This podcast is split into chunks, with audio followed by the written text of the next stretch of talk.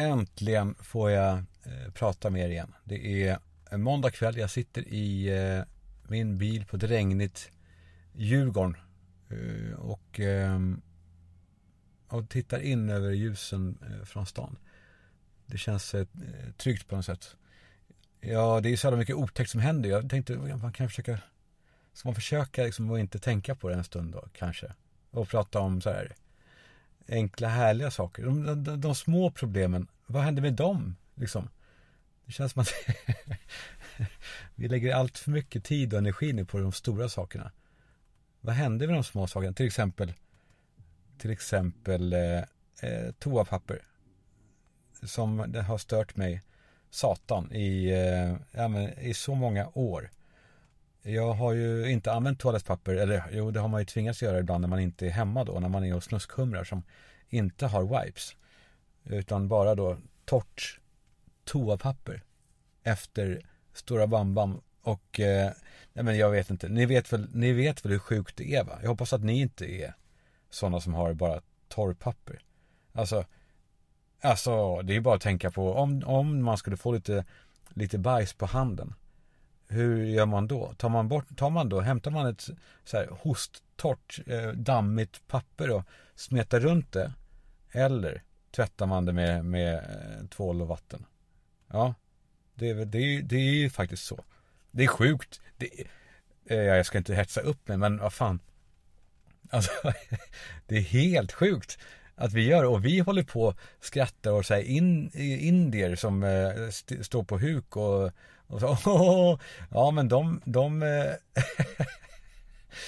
de har andra, eh, vi ska inte prata om indier, det, vi ska inte prata om någonting överhuvudtaget med nationaliteter för det är så jävla känsligt. Plötsligt. men i alla fall det här med toapapper så hade jag länge en idé om att lösa det här för alla, inte bara för min skull då.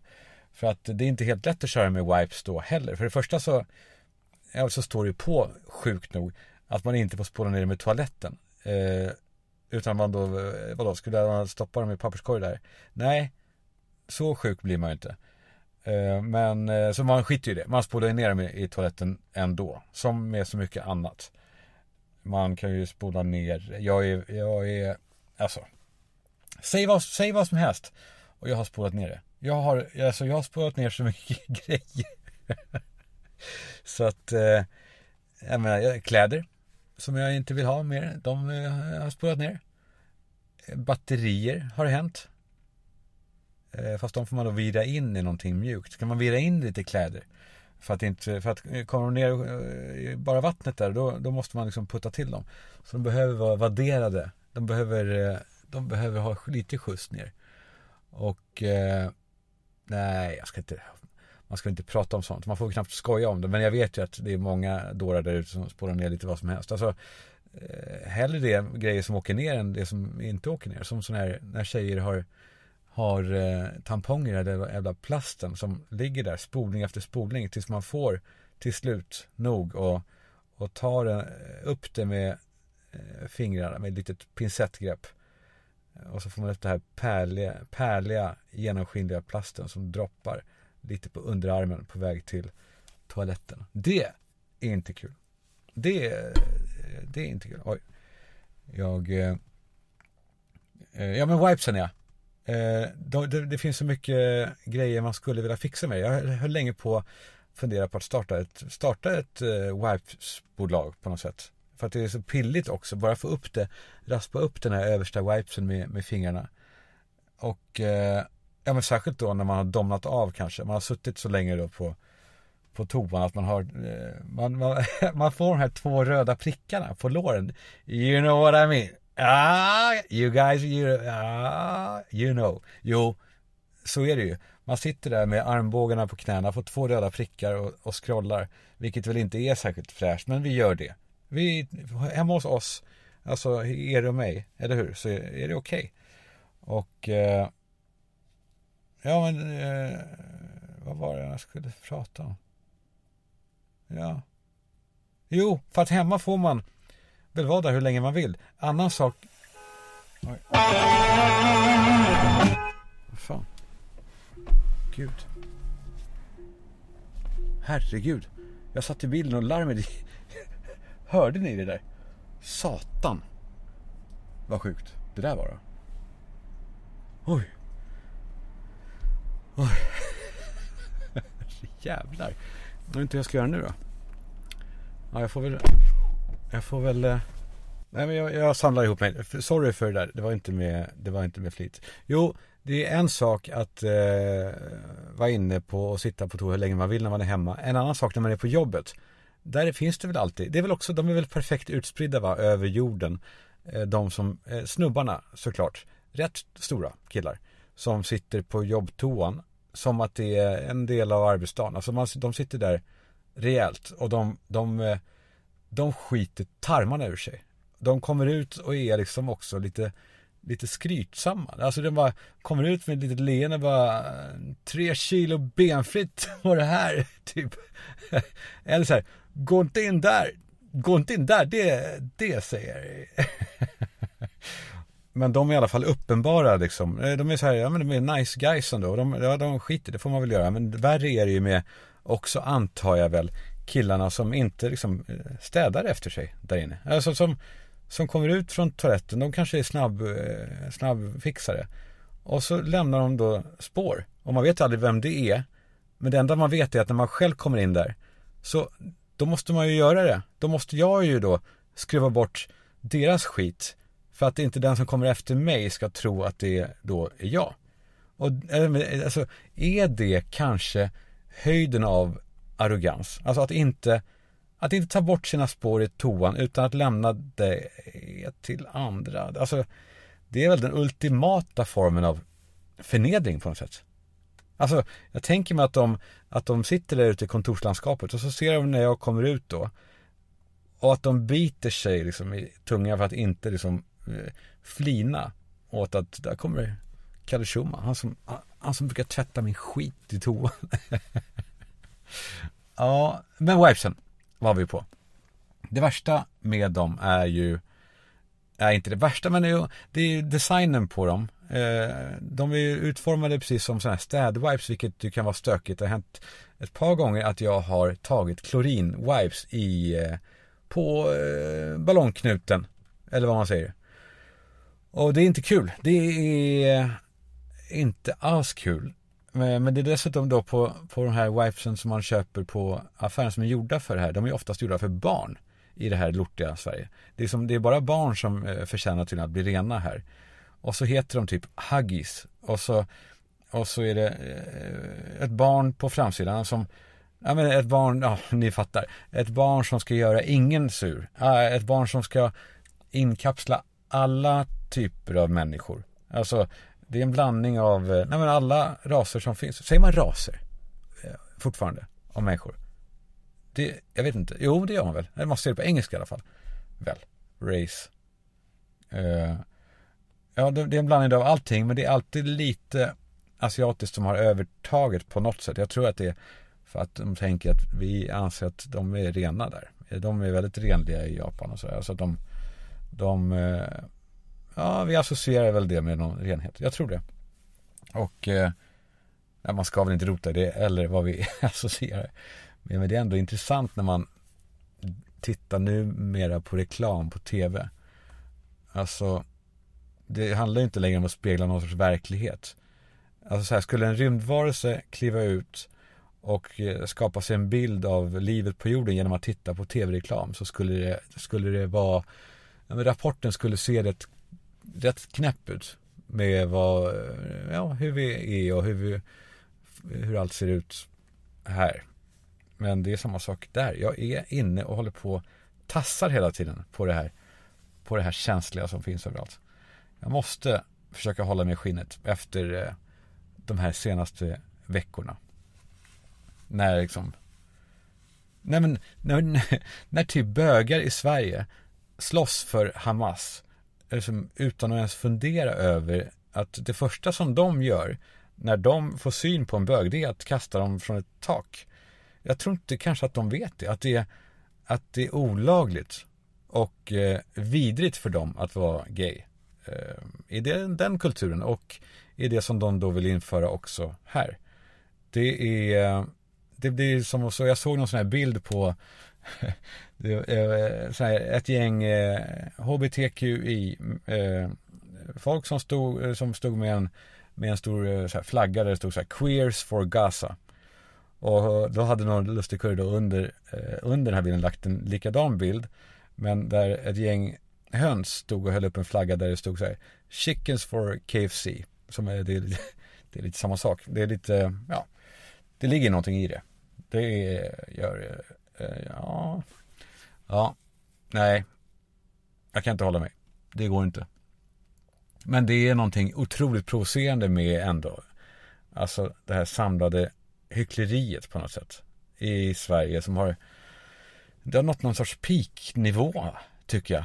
Alltså den här öronbedövande tystnaden från, från så många som borde säga någonting. Som borde bara, vänta nu, hallå där, vad är det som pågår? Kanske i alla fall, kanske i alla fall låtsas om de 220 kidnappade kvinnorna och barnen. Liksom. Alltså kanske bara så ja, men det är ändå kanske en, en eh, värt att nämna. Eh, eh kanske bara, nej, de var, nej, nej, nej, oj, nej, nej, nej, eh, vi, eh, vi är tysta istället, tänker jag. Alltså, kanske liksom, kanske bara lufta det, lufta viktiga frågor. Varför är gränsen mellan Egypten och Gaza stängd? Varför? För den har ju inte Israel med att göra. Var, var, varför? Vad är det för tjosan där som gör att Egypten inte vill släppa in eh, hjälpen? Eller släppa ut flyktingar? De är väl ändå De är väl ändå liksom bröder och systrar? Eh, har, man, har man trott. Det kan man väl lyfta. Men nej. Nej, för pratar man om det då får, åker man på Då åker man på fan som jag gjorde. Eh, som jag gjorde. Ganska hårt. Där jag får eh, alltså även, eh, även sådana såna hot som verkligen ändå faktiskt kryper under huden. Um, jag fick prata med SOS till och med. De ringde mig. Och eh, då har jag blivit anmäld. Det här är på riktigt alltså. Jag har blivit anmäld för, eh, för att vara en olämplig pappa då. Till mina barn. De riktade mest in sig på ena barnet då också. Eh, och då fick jag prata med dem i en halvtimme. De, alltså de måste ju då, eh, lät det som, eh, prata med mig och ställa de eh, nödvändiga frågorna bara för att, eh, ja, om man får en, en sån anmälan så måste de det. Eh, hon kunde knappt hålla sig när hon läste upp eh, eh den här anmälan som då var ah, anonym. Ehm, och kanske inte, ja, kanske inte det mest välskrivna anmälan som jag hört, för det stod där att jag är då en farlig förälder för att jag uppfostrar mina barn till att bli nazister. Vilket ju gör det otroligt intressant. Då tänker jag, fan då borde man kunna ändå vara lite mer kreativ om man ska anmäla någon. Och eh, utsätta någon för den ändå skammen som det är att behöva prata med, med eh, socialtjänsten som ju gör ett otroligt jobb och viktigt jobb. Mm. Um, ja, det var fan det.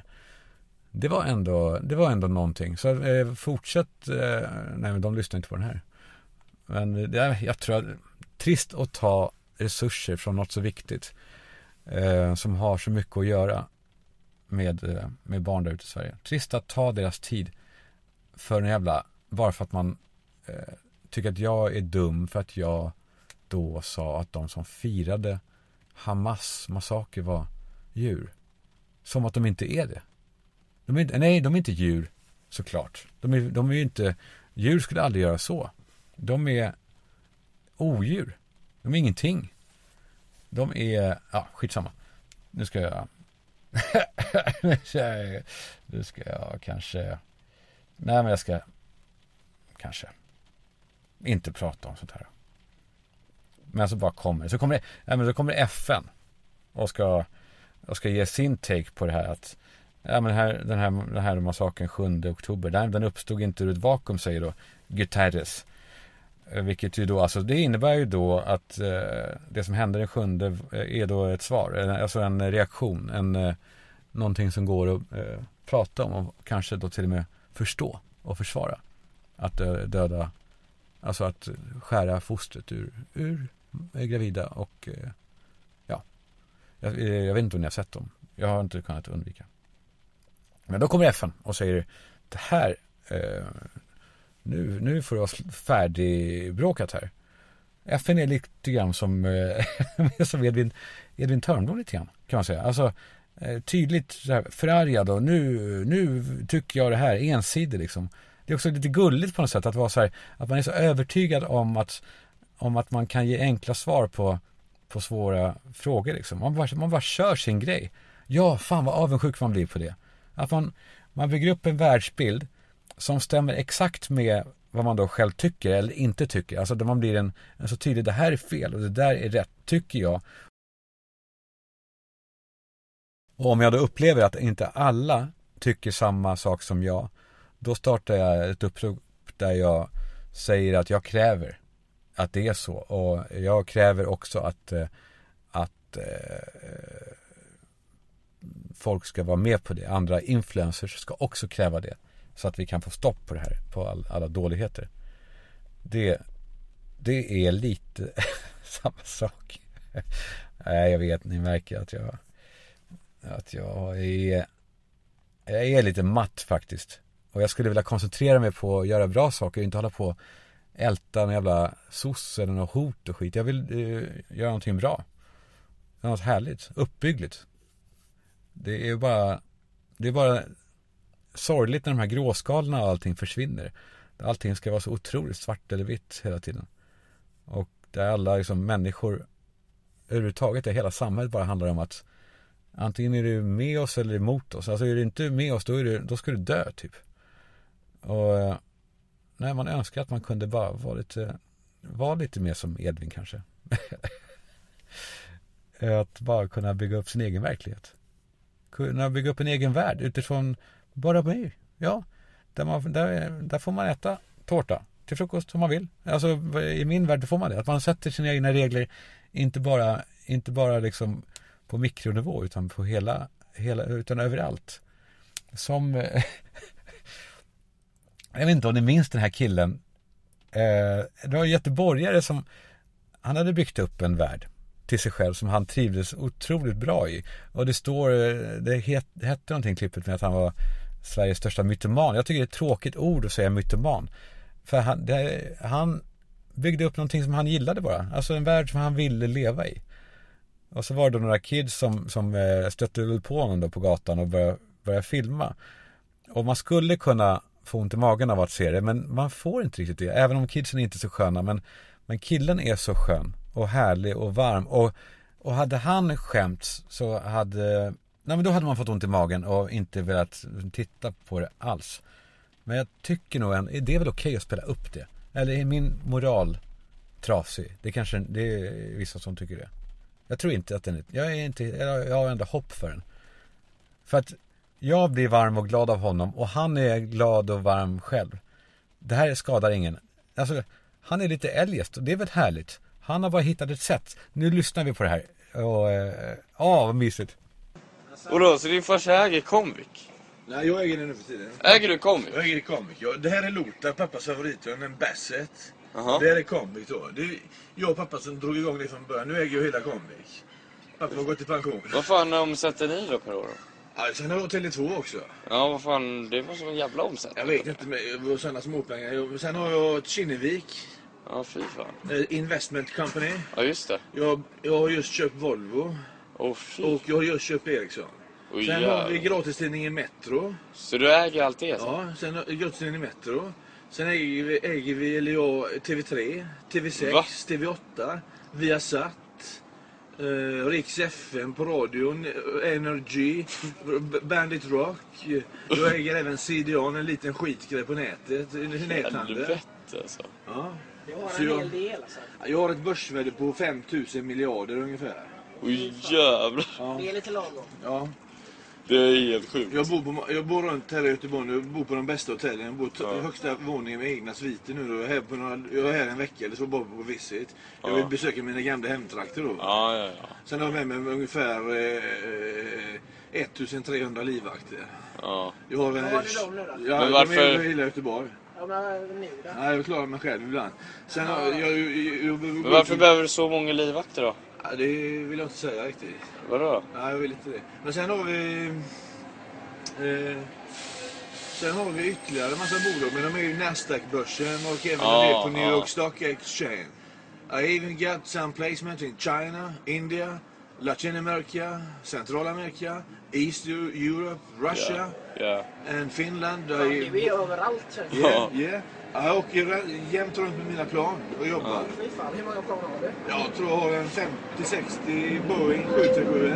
Jaså? Ja. Så vad fan ska du med alla dem till då? Alla mina livvakter, mina, mina ekonomer, ekonomichefer, mina finansanalytiker, mina börsmäklare, mina fastighetsdirektörer och ja, massa jävla folk. Jag har väl, jag vet inte, jag, Ja, då tar, behövs det lite plan. jag har säkert 500 000 var det? anställda. Nu ska jag gå hem en sväng till en lägenhet som har eh, stan. Han är underbar. Han har hittat ett sätt att leva i den här världen. Han har hittat en livsstil som, eh, som är uthärdlig. Det har jag också. Eh, tillsammans med Boka Direkt. Jag brukar alltid ha en tanke innan om vad jag ska prata om med Boka Direkt. Men eh, idag så har jag inte det. Jag vill bara från, alltså från på riktigt eh, botten av mitt hjärta, säger man det? Eh, så vill jag tacka Boka Direkt som har varit med oss i extrafamiljen hela tiden. Inte för att vi är den största, coolaste, fräsigaste liksom, eh, podden av alla. Men för att Boka Direkt har ett hjärta. Boka Direkt eh, vill göra världen bättre. Och eh, det vill också faktiskt den här podden. Det är eh, en liten värld. Våran familj, eh, familjevärld. Vi är en klubb. Eh, Så bokadirekt.se Gynna dem. Eh, inte för att vara snälla. Jo, kanske också. Men ni behöver inte vara snälla för att de gör det så bra ändå. Men tänk på det här med friskvårdsbidraget till exempel. Gå in och kolla det om ni har det från jobbet. Gå in och köp någonting nu. För ni får ju tillbaka pengarna från chefen. Alltså på kvittot.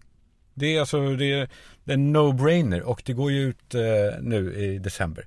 Så gör det och, och njut eller, eller rehabba eller vad det är av alla, av alla skador som ni får. Jag har bara ett par korta grejer också som jag skulle bara som jag bara vill också bolla upp mer om för jag kommer just från gymmet och eh, ja, det är mycket sånt idag kanske, mycket kött och skit liksom. Jag kom just därifrån och det slog mig då när jag går igenom från duschen ut i omklädningsrummet och sådär. Att man vaggar fram som att man har liksom tränat mycket hårdare än vad man har.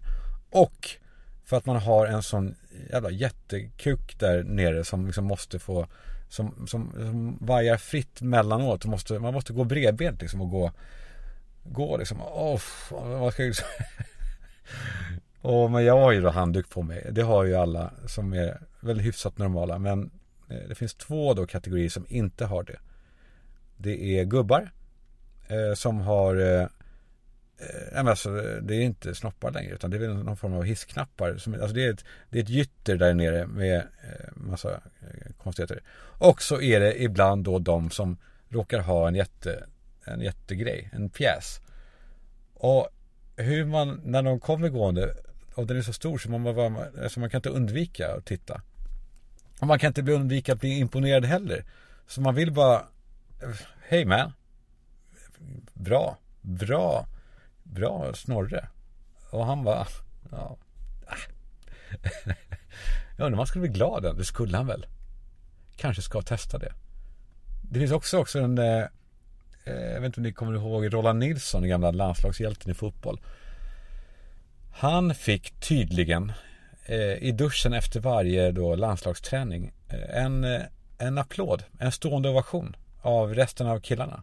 När han, eh, när han så, så stor var han. Äh, han Han var tydligen ett stativ liksom. Han, han var en trebening. Det är ändå Det är ändå rent och fint med det där. Jag vet inte vart jag vill komma med det här. Det var väldigt speciellt på På gymmet och, och särskilt också på mitt gym för där jobbar det också Tjejer i i omklädningsrummet som går in eh, och eh, ja, men, eh, tömmer handduks grejer och sånt där, städar och, och sånt. Tjejer som bara, alltså det är noll mm, liksom, konstigt. Eller jo, det är det ju det. Men, men när man är van så är det inget konstigt. Då går man naken framför. Det är, det är, ändå, det är ändå någonting. Men alla sköter sig, vad jag vet. Ja, och så tänkte jag också på en grej till. För att jag gick... jag vet inte vad, ni får förlåta mig idag att det är så spretigt. Jag har lite svårt att eh, hålla liksom eh, att göra, göra en, så här, en snygg eh, berättelse av alltihopa. Eh, för att det har varit lite trassligt. Eh, nej, ingen fara alltså, inget, inget trassligt så. Men bara lite jobbigt med, med sådana här saker. Ehm, ja, ni får förlåta mig för det. Ehm, men jag tänkte i alla fall då på Eh, jag minns när jag gick i gymnasiet Då gick jag på Peder Skrivares gymnasium i, eh, i Varberg. Och eh, jag hade ett bankomatkort som man hade då. Man hade ju inte då betalkort, liksom med kreditkort eller vad heter det, kontokort. Utan man gick och tog ut pengar. Och, eh, och man hade inte mycket pengar. Man fick ju då studiebidraget. Som var då eh, På min tid då, jag tror att det var nere och touchade eh, i botten just då. 640 kronor var det. Och det var inte så, usch, jo det var ju länge sedan, men det var inte så när mamma pratade om att ja, tre kronor får man, eh, får man eh, liksom eh, halva, halva jorden för. Utan det var, det räckte inte mycket. Det räckte, det räckte ingenstans. Men ändå gick man då och eh, testade då och då, väldigt mycket då och då i bankomaten om det kanske bara kommit in lite pengar. Alltså, av någon händelse bara. Alltså även dagar när det inte, absolut inte var det var inte eh, tal om att det skulle komma in. Men man gick ändå och så här, kollade, tänk om det Om det har det. Samma sak har jag kommit på mig själv med att göra nu. Fast jag går in på då på, I Meds-appen och går in på mina recept och kollar Kanske har kommit in något kul recept. Så sjuk är jag. Nu vet ni, nu vet ni, så, så knäpp är jag. Jag har en eh, jag vet inte varför jag gör det. Vad skulle det vara för recept? Jag är bara sugen på något. Kanske. Ehm. Mm. Jag vill också prata med er. När vi sitter här. När jag ändå är lite i gasen då. Att, eh, jag vet, ni har väl hört om det här Mark Levengoods nya format. Jag vet inte, vad, vad hette det? Sista, mina sista ord och sådär. Alltså det är alltså Eh, ett gäng program som han har spelat in som kommer sändas när folk då har dött. Eller, eller så. Eh, sista ordet. Och eh, det var ju då Lasse Berghagen eh, var premiärprogram. De har eh, ett okänt antal program färdiginspelade redan. Och, eh, och jag bara försöker ta mig till formatet med så här, ja, vad är det här nu då? Är det, är det något? Men det går inte. Alltså hur äckligt kan någonting bli? Alltså hur osmakligt kan, kan det vara? Alltså, alltså bara att veta om att det ligger ett gäng redan inspelade program eh, i någon server på, liksom, på vad det nu är. Via Play är det. För att SVT, 100% eh, kanske, tror jag. Eventuellt. Eventuellt 100% helt säker på att det möjligen kan vara så att SVT tackar nej till det här. För att det är för, det är för knäppt, och för osmakligt. Och, och så undrar man hur Mark liksom resonerar efter att han har gjort det då i den här intervjun med till exempel Lasse Berghagen. Som ju gjordes då för över ett år sedan. Han måste vara ändå frustrerad under den här tiden. Alltså, eh, de spelade in det, vad de sa, i augusti förra året. Och eh, Ja, så dog han då till slut. Efter mycket om och men. Han hade ju också, han väntade kanske på tio olika dödsfall. Så ska de inte, ska de inte dö snart så jag får eh, min airtime. Eh, eller hur han nu pratar på sin överdrivna finlandssvenska. Det eh, måste jag ändå säga, han är fin Mark på massa sätt och vis. Men jag som har en, hade en finlandssvensk pappa eh, vet att den här finlandssvenskan så, så extremt sjungande är den inte om man har bott så länge i Sverige. Den mattas av. Pappa satt och skrek åt, eh, åt att han överdrev finlandssvenskan, vilket ju jag har ärvt då. Eh, så det kanske inte är så. Men jag blir ändå, jag blir ändå störd av det. Men jag målade ändå upp scenen för mig när han då, när han får något sms från någon, eh, från, eh, Mar, från Lasse Berghagens anhöriga att nu har, nu har det hänt. Nu har, nu har Lasse tyvärr gått bort. Och hur, hur Mark då bara, jo, ja, så tråkigt, men eh, ja, ta hand om det nu. Eh, och så lägger han på och han säger, nu så, nu blir det lite, nu blir det lite mera mark i rutan. Så gnolar han hela vägen den här dagen, för han vet att nu jävlar, nu har han premiär alltså för sitt, för sitt nya program. Det är, jag undrar om han har gjort, alltså vad går gränsen för vilka som, vilka han väljer? Vilka, han, vilka som får vara med? Har han gjort detta om sig själv eller? Alltså folk som ska dö, uppenbarligen då Uppenbarligen så kan folk stå ut längre än vad han hade trott Om den första nu, ja det tog ett år Men han har väl kanske eh, Han har väl kanske pilat runt mellan varenda Varenda liksom eh, Radiumhem i, i landet och, och försökt få med folk Han har väl suttit då på sängkanten med Nej jag, jag vill inte tänka på det det är vidrigt, sen finns det ju då såklart De som eh, Alltså när vissa dör så är allting redan klart i så här, eh, minnesbilaga typ med Astrid Lindgren. Den har ju varit klart i tio år. Eh, liksom det förstår man ju att det var pang så långa reportage samma kväll i, i, som Aktuellt. Det kan man förstå. Det är, det är ändå någonting annat. Ja, den går också på gränsen men den här, den här går inte på gränsen. Den här, den här klampar rätt över gränsen. Och eh, också hela Marks ton runt omkring det. Hur han, det är någon sommar eh, Bibi Rödöskt äckleri med det alltså. Han är liksom mallig på något sätt. Han, han koketterar med det är bara, det är bara jag och, och, och så den som snart ska dö i den här, i den här studien då. Han berättar att han har någon sorts tystnadsplikt mot den här som ska dö. Eh, och och han, han berättar att kameramännen eh, Eh, de, de, de får inte vara med under själva samtalet. För att eh, de kan avslöja det innan personen har dött och då blir det inte bra. Jag, jag tycker det är genomsyniskt. Och då är det då alltså enligt Mark bara han, eh, döingen och eh, hans producent och då han som klipper programmet, eller hon, eh, som, eh, som vet om eh, innehållet i det, i det här programmet.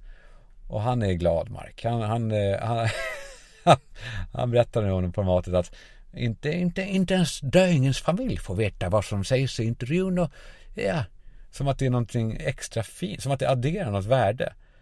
För mig då när jag hör det så är det precis tvärtom.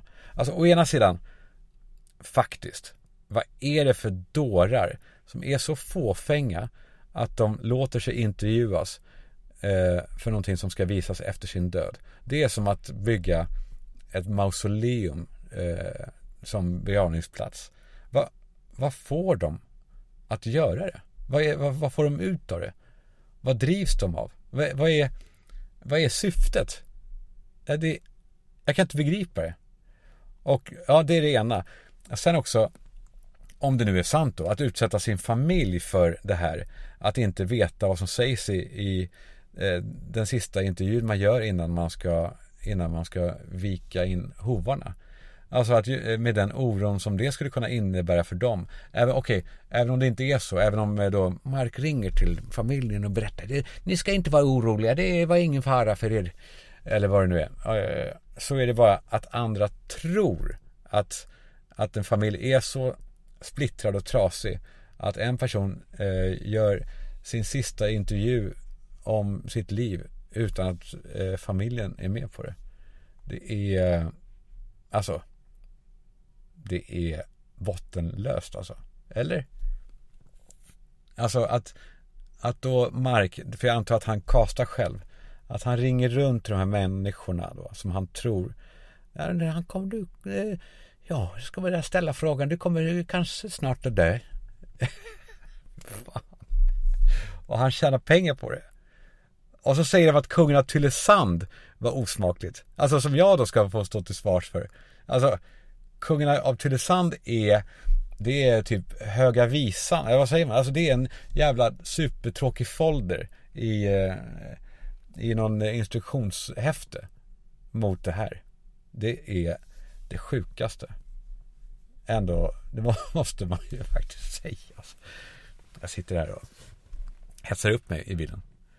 Det, men det är, på något sätt så drar tankarna också till eh, har ni sett det när man går ibland på kyrkogårdar och så ser man då eh, så här, familjegrav står det och så står det, står det eh, så här, Göte, det gamla aset, står det inte, men jag tänker mig att det är jävla aset. Så han vek in hovarna 2016 står det. Eh, så står det så här, eh, Göte Olsson, 1937 till 2016.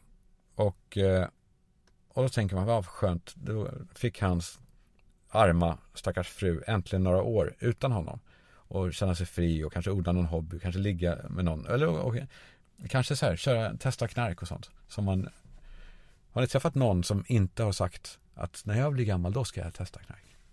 Är det, är det den mest, den vanligaste framtids, och den vanligaste eh, liksom, eh, löftet inför framtiden och också det som aldrig någonsin eh, infrias? Väl, det är väl en härlig grej att säga bara.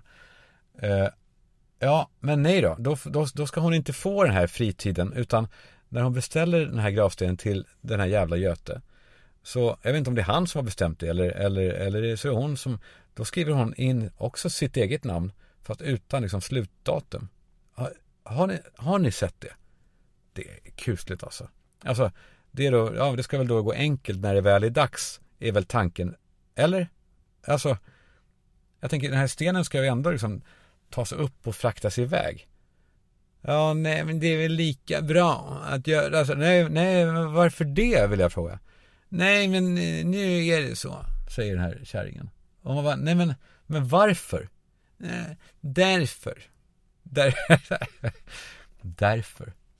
Jag minns frustrationen. Minns ni frustrationen när, när man frågar någon vuxen som barn så här, varför? Någonting. Varför kan vi inte Eh, eh, eh, ha en annan ordning på något eller vad fan som helst. Och de var därför. Jag bara, men varför? Nu, nu sa jag därför. Och det är liksom, jag vet inte. För mig är det som ett övergrepp på något sätt. Eller nej, vet du vad? Det är inte ett övergrepp. Det är nästan nu i efterhand när jag tänker på det. Så var det nog första gången som jag kände att jag var, att jag ägde en vuxen liksom. Alltså att en vuxen kan vara så dum att de bara svarar ett därför. Som är bara, vad fan, vad fan menas? Vad är det för jävla maktmissbruk att säga därför? Uh, alltså, jag känner mig nu när jag tänker på det. När det hände, då var jag som sån här, ett ungt djur. Som hittat svaghetstecken hos flockens ledare. Jag tappade respekten för honom då. Alltid också honom. Jag tror inte, jag tror inte kvinnor säger därför på samma sätt. Ja, man vet då att ledarens tid är, är förbi. Dagarna är räknade. Eh, ja, men det är samma sak som vad man misshandlar sina barn alltså. Eh, jag har fuckat upp Tom Allans tidsbegrepp totalt och det är, det är inte bara jag. Jag antar att det, ni, ni har gjort detsamma om ni har barn. Men jag minns alltså, sen han frågade, alltså, när ska vi göra det? Och jag bara, om fem minuter. Och så kom man då en timme senare så här, eh, Har det gått fem minuter? Nej, nej om tre minuter. Och så kommer man efter en halvtimme då. Ja, är det klart nu då? Man bara, ja. Och så gjorde man det då. Och för honom då, att lära sig minutbegreppet är, nej men det är, han är körd. Jag vet inte när han ska komma ikapp för det. Ja, ja men de här gravstenarna då med, med allt ifyllt utom datumen är ju hjärtskärande. Eftersom, eftersom till och med, alltså äktenskapet, det varar ju tills döden skiljer, skiljer dem åt. Alltså, sen är det slut. Kan inte folk bara få chilla lite? Alltså om man nu inte har orkat liksom skilja sig eh, så kan de i alla fall få lite lugn och ro. Alltså inte ens Gud tycker att någon, eh, en änka är skyldig någon, någonting eller sätta sitt namn på en gravsten. Utan kanske istället uppmuntra oss att ha det lite kul i livet och inte bara vara sin mans fru. Men de här tanterna de bara sörjer och väntar på att få kliva ner i, i kistan de också. Nu, ja men jag märker det nu att jag jag tror verkligen på det här med att, att prata mer om, om döden liksom som en del av döden är en del av livet. Nej men det är nog viktigt liksom. Det behöver kanske inte gå till överdrift. Alltså som det gjorde för mig då, hela min uppväxt. Så här, pappas sista jul. Varje, varje jul så grät pappa och sa det här är nog min sista jul. Varje nyår var ännu värre. Så det här är min sista nyårsafton pojkar. Fast han grät då. Han, det skar sig rösten. Och alltså, varje gång jag fyllde år så grät pappa. För att det var hans sista eh, gången han fick uppleva min födelsedag. Från att jag var ganska liten. Och eh, jag tänker på det, det, som pappa sa på sjukhuset just innan han liksom, ja men innan han dog. Så låg han där och grät. Och så sa han att det han ångrar mest av allt i livet. Det var att han inte slog mamma med ännu mer kraft i magen när hon berättade att hon var gravid med Alex. Att han inte matade på ännu mer. Det var det, var det sista han ångrade.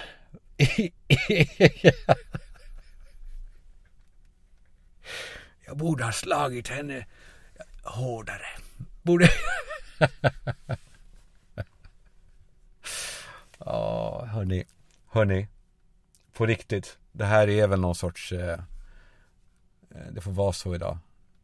Ett, eh, ett spretigt eh, haveri. Eh, mitt i den eh, alltså extremt mörka eh, måndagen. Dagen efter att eh, vintertiden är här.